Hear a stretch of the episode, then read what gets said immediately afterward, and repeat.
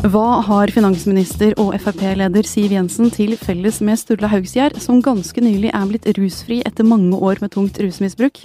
Går det an å snurre ut en rød tråd og trekke den utover bordet mellom dem? Det skal være mulig. Eh, det skal vi prøve å få til i ukas utgave av Tett på. Eh, Siv Jensen, hvis det norske samfunnet er en stige, så står du ganske stødig på det øverste trinnet på den. Eh, jeg har prøvd å få deg hit mange ganger, veldig glad for at du nå er her. Velkommen. Tusen hjertelig takk. Sturle Haugsgjerd, hvis livet er fullt av dager og netter, så har du levd et liv hvor du har vært ute i ganske mange flere vinternetter enn de fleste. Det har jeg. Det som jeg tenkte begge dere to har til felles, er jo altså Dere har jo ledet eh, dere selv og andre gjennom liksom røffe tider. Det skal vi komme tilbake til. Men eh, jeg skal også fortelle at vi i slutten av denne sendingen her skal ha en ny sexprat med Ingunn. Dagens tema der det er vel hvem som vil mest og best, og hvorfor klarer ikke kjærestepar å snakke om det. Men aller først, Kristine, noen ord mellom deg og meg. Eh, denne uka så skriver VG at vi står overfor århundrets største bioteknologiske gjennombrudd. I mange år har forskere jobbet med å prøve å få til å klippe og lime i menneskers gener. Tidligere så har man bare kunnet tilføre nytt genmateriale. Nå kan man også klippe bort de genene som fins i DNA-et som vi ikke vil ha der. Eh, låter det spennende? Ja, altså jeg tenker alle som har vært tenåringer eller sett seg selv på konfirmasjonsfilm, vil vel tenke at det er en besnærende tanke øh, å kunne klippe bort noe, men, men er det egentlig lov? Altså Det finnes jo selvfølgelig lovverk som regulerer tukling med DNA, og det er bare lov å bruke genterapi eh, til å behandle genetiske sykdommer.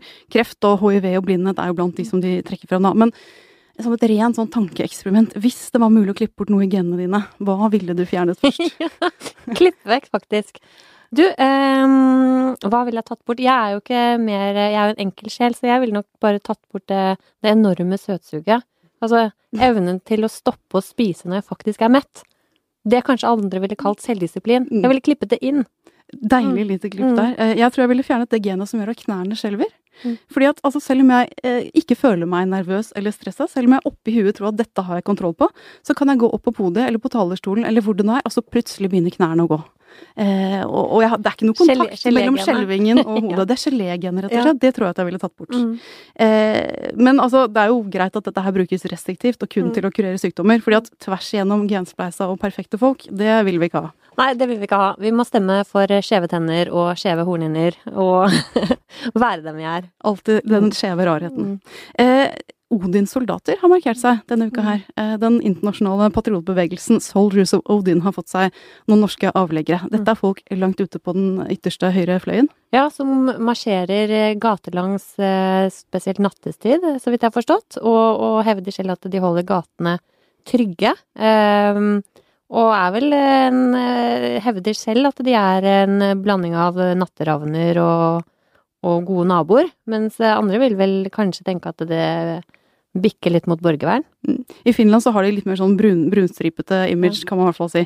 Men jeg sjekket, jeg sjekket mytologien her, for de har valgt seg Odin. Selveste den norrøne gudekongen som forbilde. Mm. Eh, og så tenkte jeg, men eh, hva med Odins egen stamtavle? Er den like arisk og norrøn som de tror? Eh, og så finner vi da at nei, det, dette strides de lærde om, og Snorre han skrev i sin yndlingesaga på 1300-tallet at den mektige høvdingen Odin, han kom med stammen sin fra Asia og Tyrkia, innvandret til Skandinavia og bosatte seg her og spredte slekten sin herfra. Ja, så en innvandringsfiendtlig gjeng eh, med en innvandrer som forbilde. Det, det er, man kan jo kanskje Der burde man bruke Google litt eh, Det er absolutt Google. Jeg, jeg fant det på Wikipedia, så det var ikke så langt unna. Men, men altså, sjekk hvem du oppkaller deg etter, kan vel være en, en grei oppfordring. Mm. Em, til sist, kunsten å kjede seg. Er du ofte eh, rammet av kjedsomhet? Ja, i hvert fall rastløshet. Ja, jeg må jo si det. Kjeder meg sikkert litt. Ja. Jeg så nemlig en sak i The Guardian denne uka eh, hvor de stiller spørsmålet går det an å kjede seg til døde. Og så svarer de både ja og nei. fordi at i en studie som ble publisert i 2009, så hadde da forskere fulgt 7524 offentlig ansatte personer i 25 år. Og det viste seg at de som oppga at de kjedet seg på jobben, og ellers, de hadde dårligere helse og døde tidligere enn de som ikke kjedet seg. Men hva dør de av da? Liksom, kjederøyker de seg i hjel, eller har de liksom fått et dårlig hjerte, eller hva er det Det er faktisk noe med det, for folk som kjeder seg, de røyker mer, de spiser mer junkfood, de drikker mer alkohol, de får generelt dårligere helse. Og hyttetur. Ja. Men så er det da også studier som viser at hvis man kjeder seg, men så begynner man å dagdrømme istedenfor, da lever man litt lenger og litt bedre liv, for da får du i gang kreativiteten, og kanskje får du også opp de der ideene som gjør at du tjener masse penger, da. Oh, ja. eh, eller i det minste så, så blir du i hvert fall et lykkeligere menneske fordi du får i gang kreativiteten din. Ja, det er veldig gøy. Da, nå ble jeg glad, for jeg dagdrømmer jo. Jeg jo, kan jo gjerne sitte i fora og begynne å dagdrømme. Så det har jo ikke manifestert seg i noe penger, men, men kanskje, kanskje litt hverdagslykke, da. Litt hverdagslykke. Mm. Uh, Siv Jensen, er det en person som kjeder deg? Jeg skulle faktisk ønske jeg hadde litt mer tid til å kjede meg, for det er godt å ha litt uh, ro. Uh, så jeg savner nok det å føle på at, at jeg har litt mer fritid enn jeg har for tiden. Men altså, de øyeblikkene hvor du da kjeder deg, klarer du å dagdrømme? Klarer du liksom å sette hodet hen på en eller annen strand på et tropisk sted, eller dagdrømmer du mer om poster i finansbudsjettet som du gjerne skulle sett var annerledes?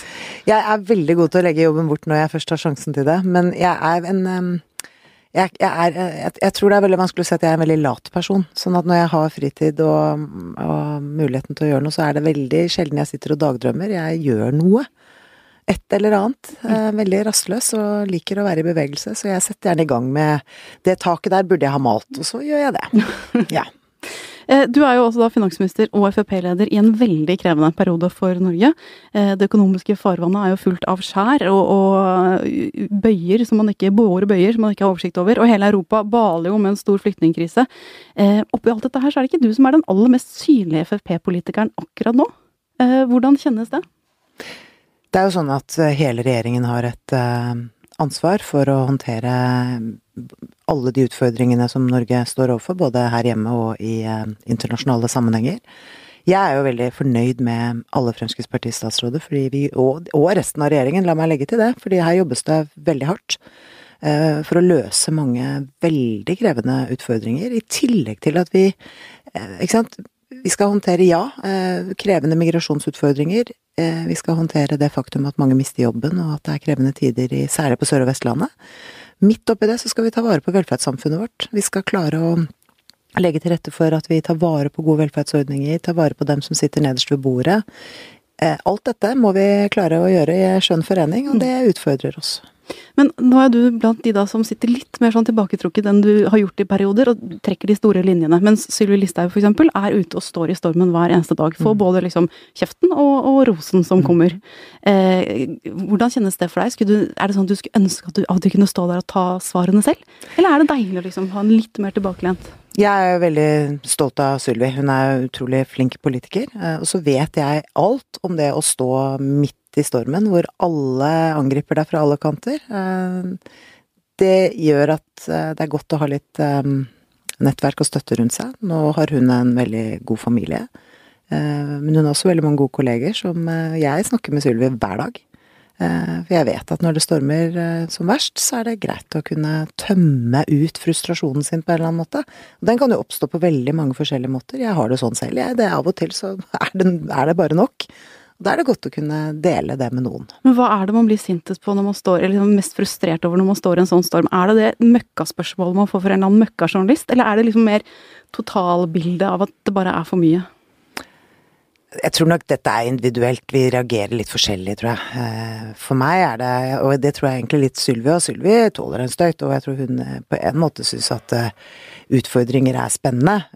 Og så er det summen av utfordringer over tid som gjør at du blir sliten. Fordi du skal være fokusert, du skal være til stede, du skal få med deg alt, du skal lese deg opp, du skal være blid og eh, fortrinnsvis ha alle fakta på plass. Eh, det krever mye. Eh, særlig når dagen eh, ikke har de flere timer enn den har. Og hun er også småbarnsmor, husk på det. Mm. Skal ta seg barna sine oppi alt dette. Mm. Men altså, du snakker med henne hver dag. Hva slags, hva slags, råd kan du gi henne, eller hva slags råd er det du gir henne når du ser at nå, nå røyner det litt på? Jeg gir henne råd når hun ber om råd, og så er det godt bare av og til å snakke med noen. Eh, jeg tenker at det er en viktig del av min jobb som partileder, er å passe på mine egne, særlig når, de, når det stormer litt. Um, og det, det, er jo egentlig bare det å få gitt uttrykk for glede eller frustrasjon eller hva det nå måtte være man føler på akkurat den dagen. Jeg tror ikke det skal så mye til, jeg.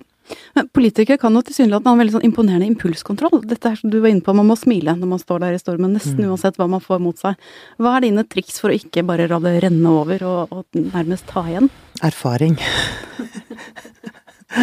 jeg tror det er beste svaret på det. Jeg har merket, um, særlig de siste tre-fire årene, at jeg har blitt mye roligere nesten jo, jo, mer det stormer rundt meg, jo roligere blir jeg. Men jeg tror det har å gjøre med at jeg har eh, stått gjennom veldig mange tidvis krevende situasjoner, som eh, jeg kanskje ikke alltid har fremstått på mitt mest flatterende. Jeg kan bli, jeg har, jo, men jeg har temperament, altså. Jeg kan bli veldig hissig.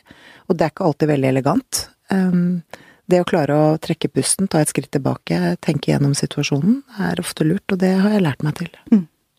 Eh, kan du bli litt sånn eh, nesten litt for bekvem med den litt tilbaketrukne rollen? Altså Man kan jo se for seg at det går jo i, i perioder, kanskje skal du ut der igjen og stå i stormene, eller kan du ha en liten debatt med deg selv om at kanskje du skulle fått deg en mer tilbaketrukket posisjon? Det er jo deilig å være toppleder. Kunne du hatt deg en jobb i næringslivet? Nå tror jeg vel ikke det er så veldig mange som beskylder finansministeren for å være i en veldig tilbaketrukken situasjon. Jeg har ansvaret for eh, landets finanser, statsbudsjettet det er ganske mange utfordrende situasjoner å stå og svare på hver eneste dag. Eh, men det blir jo liksom de større linjene, mer enn kanskje de, de små enkeltsakene.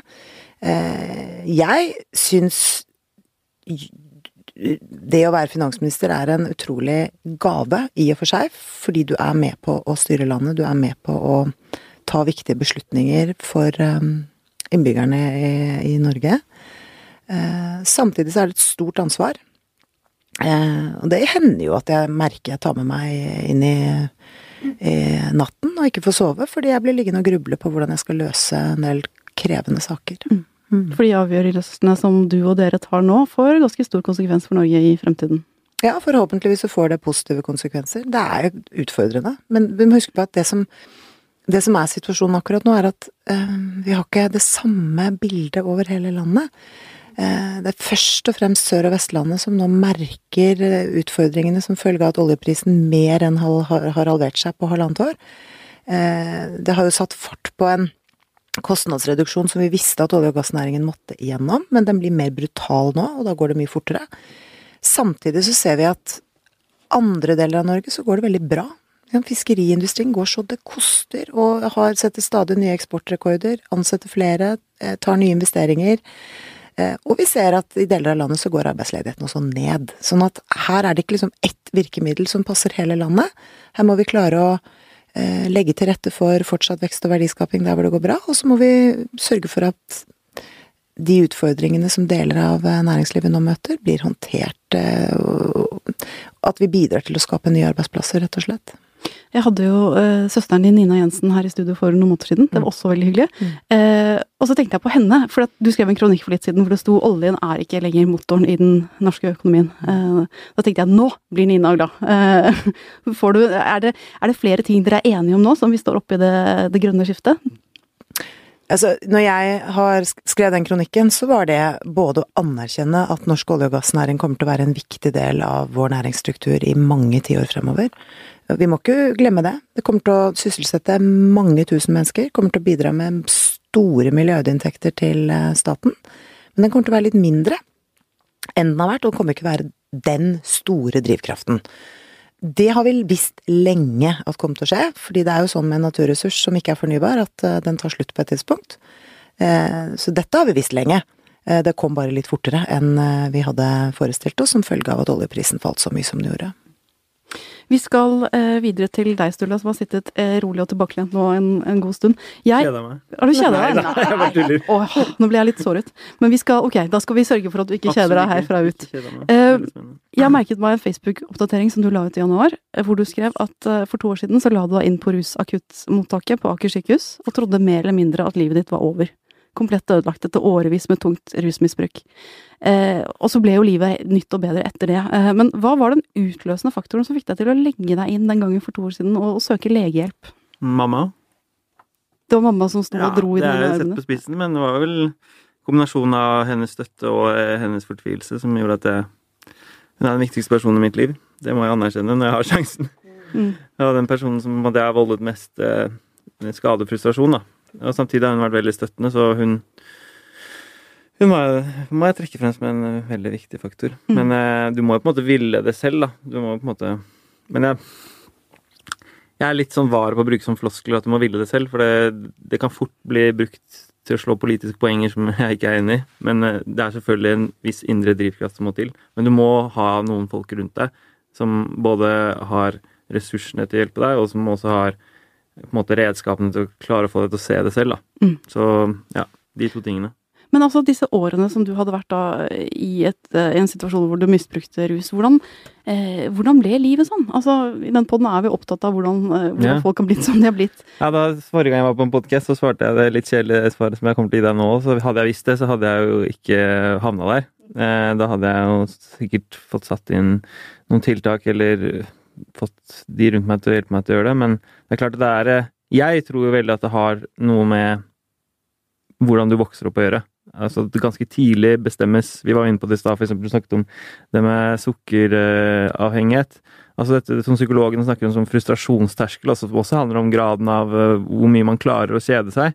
Uh, det kan man se ganske tidlig på, på barn. Hvem som har på en måte frustrasjonsterskel, hvem som tåler å stå i ting. Sånn som Siv Jensen kanskje allerede fra ung alder viste seg som en som klarte å stå i ting. Mens andre sliter med det av ulike grunner. De har kanskje opplevd omsorgssvikt, de har opplevd rus i hjemmet, eh, overgrep. Vi ser jo blant annet at blant rusavhengige så er det jo 46 ganger så stor sjanse for å havne på plata da, hvis du har blitt utsatt for et seksuelt overgrep, enn hvis du ikke har gjort det. Altså 46 ganger så stor sjanse. Det er et tall som ikke alle tar inn over seg, men det er ganske stort. Så de som står nederst på bordet, som Siv snakker om, det er de som har stått nederst på bordet hele livet fra de ble født. Gjerne i form av at de har blitt utsatt for eh, vold og seksuelle overgrep, men også mindre alvorlige ting som kan sette like stor støkk som f.eks. fattigdom eller barnevern eller andre sånne ting. Så det er viktig på en måte å ta inn over seg. Men jeg gjorde jo litt research i dag før du kom, da, og fant at du har vært sånn barnereporter i NRK, f.eks. Ja, ikke sant? Så det, det er... Tenkte Tokkemann, typisk ressurssterk smørjegutt. Ja. Ja, så er jo jeg sånn unntak som bekrefter regelen, hvor jeg kan velge to spor hvis jeg skal forklare min historie. og Det er å si sånn at jeg er sånn eh, middelklasse, perfekt fasadegutt som kjeda seg, og eh, som ikke syntes at skolen hadde nok utfordringer å by på og sånn, så begynte jeg å ty til rusmidler. Men jeg har ikke lyst til å bygge opp under den myten. Jeg tror det er viktigere å, å se på at jeg kanskje også har visse ting i min barndom som ikke har vært lett, og som kanskje ikke er så lett å identifisere. Og det må vi se på veldig mange andre også, som man tenker at F.eks. Nini Stoltenberg, ikke sant, som folk spør seg hvorfor i all verden hun har jo, Faren er jo diplomat, og broren er statsminister blitt, og hva i all verden var det som førte at hun havna der? Hvis det er sånn at de svakeste havner. Det kan være at det er noe med hennes oppvekst som ikke vi vet om. Det skal ikke jeg spekulere i, men jeg vet for min egen del så ønsker ikke jeg å bygge opp under den myten at jeg at jeg egentlig hadde et perfekt liv, og så bare kjeda jeg meg, og så ble jeg, ble jeg rusavhengig. Det er, sikkert, det er, sikkert, ting der. Men det er jo noe fascinerende ved Norge som gjør at man, man, kan starte ganske likt. Altså dere to, da, Siv Jensen og Sturle Hausgjerd, eh, vokste jo opp i Oslo begge to. Ullern? Ja, ikke sant. Ullern. Eh, Majorstua. Ja, Majorstua, ja. Eh, jeg har regna frem til at det er sånn 13 år mellom dere omtrent. Så dere kan ha vært litt sånn Dere kan ha hatt kjente, felles kjente ut på Ja, det kan vi ha hatt. Ja, det kan vi. Og så ender dere opp så forskjellig. Er det fascinerende, Siv? Ja, jeg syns det. Men jeg syns egentlig det Sturla sier er ganske smart. Fordi rusavhengighet oppstår jo av veldig mange ulike årsaker. Og jeg, jeg syns Jeg er veldig enig at det er dumt å prøve å stigmatisere det, eller prøve å lage historier rundt det, for det er veldig mange ulike historier rundt det. Eh, og det syns jeg er en viktig del av det å anerkjenne dette, så syns jo jeg at vi nå bare på få år har kommet veldig mye lenger i debatten om rus i Norge. Det er ikke så lenge siden det var veldig stigmatiserende. Jeg husker en av de tingene jeg er veldig stolt av i min politiske liv, det var da vi tok og åpnet, eller jeg bidro til at vi fikk åpnet Stortinget for eh, mange av, eh, av de som gikk, var på plata. De ble aldri sett, de ble aldri hørt, de fikk ikke komme frem med sitt, sitt budskap med sin stemme, og tok det inn i et møte i Stortinget. Eh, for å høre på hva de hadde på hjertet. Og etter det så syns jeg debatten har dreid mye mer i retning av å ta folk på alvor, sant. Altså det er ikke så nøye at Du må ikke sette en sånn alle er like fordi de ruser seg, men det de aller fleste av de ønsker, er å få et bedre liv. Eh, og da handler det jo selvfølgelig både om at vi må stille opp med mange ulike virkemidler, eh, både forebyggende, avrusende, ettervern og alt det der. Det er masse behandling, ikke sant. Men så handler det jo til syvende og sist også om å, å bidra til at hver enkelt klarer å um, komme ut av det sjøl. For at uansett hvor mye vi setter opp av behandlingstilbud og sånn, vil du ikke selv, så holder du på i den runddansen til du vil. Nå var vi jo, jeg sa jo noe tidligere om at jeg trodde at dere hadde noe felles på lederskap, da. Og nå vil jo ikke du bygge opp noen myter om, om vilje og ikke vilje, Sturla, det sa du jo. Men dette her med at du har jo da ledet deg selv ut av noe som var litt sånn vanskelig å komme ut av. Du, han har jo noen lederegenskaper der som det er mulig å misunne og respektere, er det ikke det? Jo. Altså, jeg syns det står kjempestor respekt av dette, både at han er åpen om det han har vært igjennom, eh, men det å, det å lede seg selv Altså, jeg kjenner jo ikke hans historie i detalj, så jeg skal være litt forsiktig med å uttale meg, men det, det, jeg tror det krever ganske mye um, både selvinnsikt, disiplin, eh, vilje og kanskje det at du har ressurser rundt deg, som gjør at det, det kan gå bra. Men ja, det jeg har lest av Sturlas historie, så er han også ærlig på at det har vært en del fallbacks og sprekker og alt mulig sånn. Det er heller ikke helt unaturlig, og jeg syns ikke at man skal eh, gjøre det til et problem heller, for det er veldig ofte det. Så bare se på å slutte å røyke, det. Jeg har prøvd det. Mange ganger inntil jeg klarte det. Det er lov å sprekke. Jeg er veldig glad for at Siv eh, sier akkurat det, for det er jo et av de viktigste poengene som vi eh, jobber med om dagen. Apropos regjeringspolitikk også. Jeg vet at det er en podkast om de nære ting, men nå spilte hun ballen over til meg. og Nylig har jo eh, hennes kolleger, og kanskje også du, hva vet jeg, eh, fått gjennom dette med eh, narkotikaprogrammet Domstolskontroll, som dere er veldig stolte av. Og som jeg for så vidt også vil medie er et skritt i riktig retning. Men eh, jeg tror vi er inne på et av de tingene som er forskjellen på mitt og Sivs syn her. og det er, det at hun sier at det er veldig mange veier inn i rus. Det stemmer selvfølgelig, men det er samtidig det er gjengangerne som havner i mest problemer når det kommer til rus. Det er de som har blitt utsatt for mest overgrep, de som har blitt utsatt for øh, vanskeligst barndom. Det er de som både havner oftest i rus, og de som havner tyngst i rus. Må huske det at 90% av de som prøver et rusmiddel, være seg metamfetamin fra USA, vi ser studier på det, eller heroin som i Norge, som er mer prevalent her, får ikke et rusproblem. Det er bare 10 og de som får hardeste problemer, er ofte de som sitter nederst på bordet fra, fra tidlig alder av. Så det er både riktig at det fins veldig mange veier inn i rus, og at man skal ikke bygge opp stereotyper og sånn, men samtidig, hvis man skal lage politikk, så må man se på er det, er det noen gjengangere? Ja, det er de som har blitt utsatt for omsorgssvikt og overgrep. Når vi ser på dette nye narkotikaprogrammet Domstolskontroll, som er et alternativ til straff, der folk som blir tatt for rusrelatert kriminalitet, kan velge behandling fremfor fengsel, så må vi også medgi at det er 66 av dem som ikke fullfører. Og de havner i fengsel likevel. De havner faktisk i fengsel to ganger på en måte, for de blir dømt til fengsel, og så velger de behandling. Og så makter de ikke å stå i løpet fordi de sprekker, som du sier. Du skjønner veldig godt det, så du røyker selv. De sprekker Nei, ikke nå lenger. Nei, men du gjorde det før, men du skjønner det i hvert fall. Så havner de på en sprekk, og så de, blir de dømt til fengsel igjen. To ganger kan være ganske dobbelt stigmatiserende, da. Uh, og hvem er de 66% Sirus har vel allerede gitt oss en pekepinn på at det er gjengangerne. Det er de med tyngst problemer. Sannsynligvis de som har hatt uh, de røffeste historiene fra barndommen også. Så jeg ønsker å spille ballen tilbake til uh, Jensen og hennes kolleger og be dem ta inn seg at ja, de, har, de, er på, de er på sporet av noe, de er på vei i riktig retning, men samtidig, det er en fare for at sånne typer programmer havner og blir en sånn type en ny måte å drive klasseskille på. At hvis du er motivert nok, hvis du er sterk nok, hvis du har nok ressurser, så kan vi tilby deg helsehjelp istedenfor uh, fengsel. Mens dere andre som ikke har disse ressursene eller disse egenskapene, disse personlige egenskapene kanskje, eller jeg tror mer på at det er en del ressurser involvert også, dere må fortsatt gå i fengsel. Så det, på, det er en fare at det kan bli et nytt klasseskille der. Men samtidig vil jeg medgi at dere har rett, dere er på Det er et skritt i riktig retning. Men Det er jeg veldig glad for å høre. Men jeg, jeg tror jo at uh, dette handler ikke om klasseskille. Og jeg er også enig i at uh, veldig mange av gjengangerne har uh,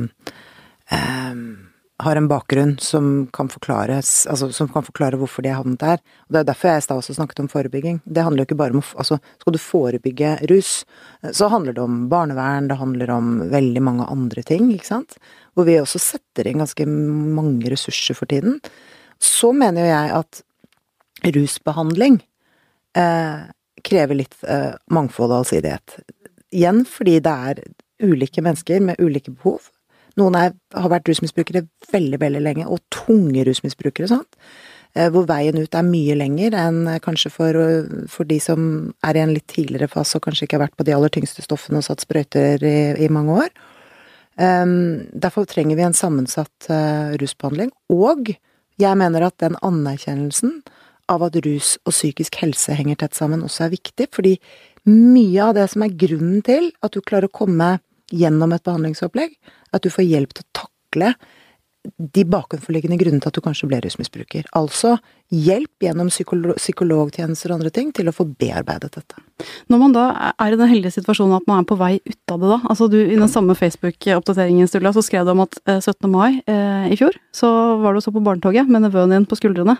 Og det var den første rusfrie 17. mai på lenge. Eh, hvordan kjennes det?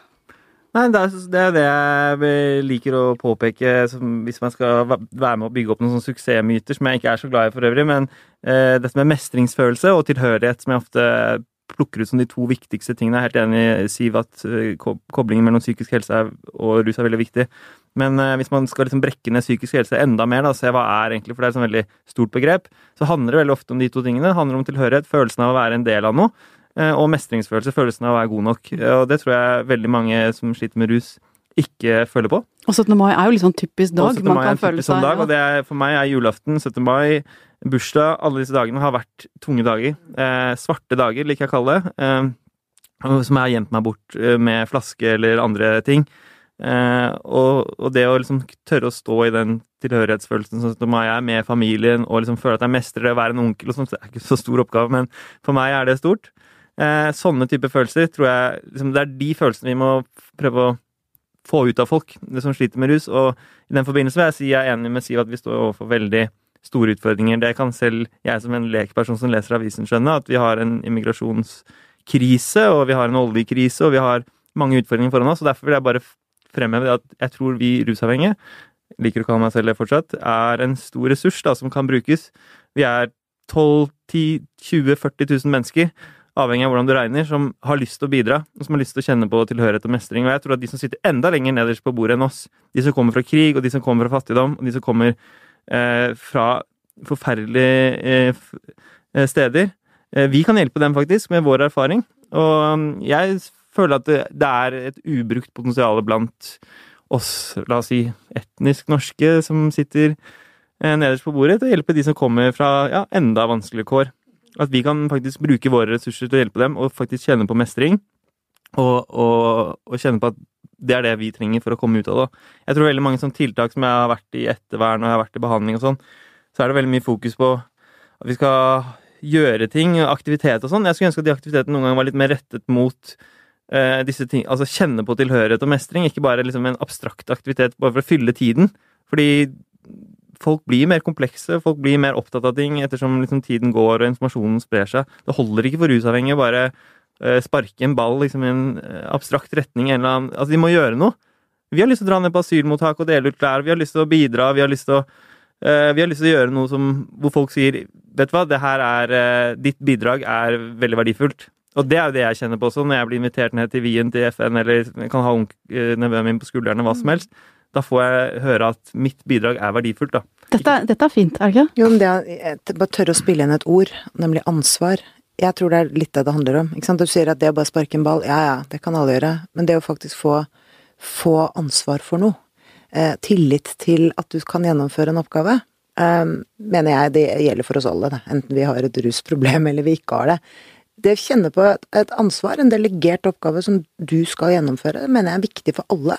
Eh, og jeg har sett det i så mange sammenhenger, så folk som har hatt det skikkelig vanskelig, så får de tillit eh, til å lede et prosjekt, ta et ansvar for noe det er veldig sjelden at de ikke gjennomfører, altså. Mm. Jeg er helt enig med Siv, og jeg tenker at ofte har jeg tenkt at faktisk jeg er godt plassert på venstresiden. Eh, sikkert pga. miljøskade, men eh, jeg har ofte tenkt at Frp sitter sannsynligvis på veldig mye av nøkkelen til å løse problemene vi har med rusavhengighet. Fordi akkurat denne tankegangen her trenger vi å ta inn over oss. Eh, og for Frp har alle, de har Carl I. Hagen nå, som går eh, Selv om han kanskje ikke er den mest sentrale politikeren lenger, så er han den folk lytter til veldig progressive syn på dette her. Også en fantastisk ungdomspartileder i Atle Simonsen som også går foran. Så jeg føler at Frp, akkurat med dette her som nøkkel, kan bidra veldig bra. Ja, men Det er hyggelig å høre. Nå har jo du eh... Selv om jeg ikke kommer til å stemme. Kanskje. Vi får se. Nå har jo du et stort oppdrag foran deg, for du skal rett og slett ned og holde tale foran en FN-delegasjon i Wien eh, nå i mars. Eh, fra brukerperspektiv, du skal representere norske, eh, norske, brukere. Hva er det viktigste du kan lære verden, tror du, om å være rusavhengig?